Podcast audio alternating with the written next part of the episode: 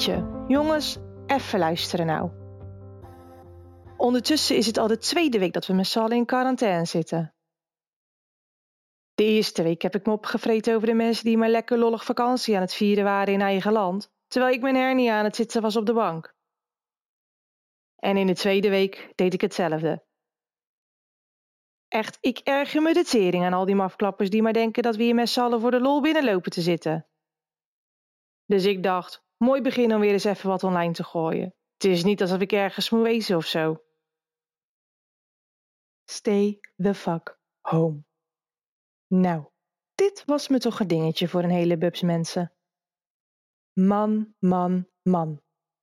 Hoe moeilijk kan het zijn om binnen te blijven met je bek? Het enige wat je hoeft te doen, is de deur niet open te doen. Doe je toch ook niet voor Jehovah-getuigen? Dus doe het dan ook niet voor corona. Zo makkelijk is het. Corona-vakantie. En toch lijkt het of je een lekker vakantietje hebt geboekt in het stadspark. Het ultieme moment om fijn te kleppen met al die andere schoolpleinouders die ineens opgescheept zitten met hun jong.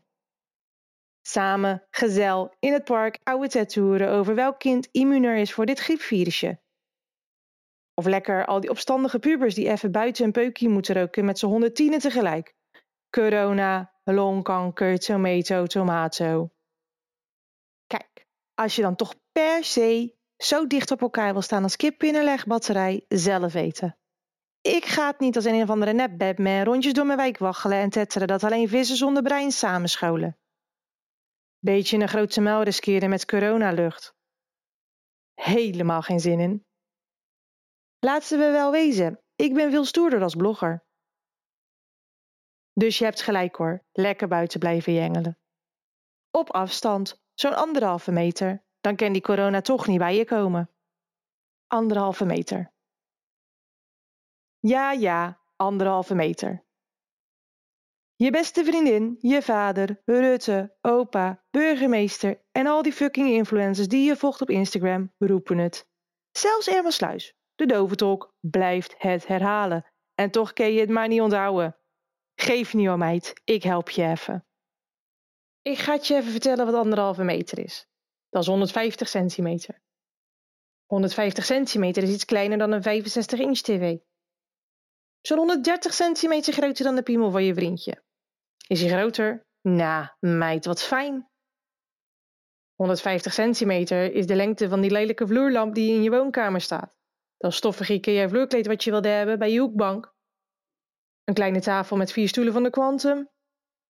En het is ongeveer een kwart van je darmen en een tiende van de wc-rol die je hebt gehamsterd. Anderhalve meter is geen slap armpie, maar bijna een halve surfplank. En als je het nou nog niet snapt, des te meer reden om die deur dicht te pleuren en op je gat te zitten. 18 dagen. Kijk, ik ben niet de slimste mens van Nederland. Vraag dat maar aan mijn wiskundedocent. En dit snap ik wel. Ik vind het oké om in stilte thuis te zitten en mijn muil heel de dag dicht te houden. Ook ken ik echt genieten van frisse lucht op mijn poren. Of een heel gangbaar bezoekje aan de supermarkt om pleepapier te kopen. Allemaal niet meer zo normaal, hè?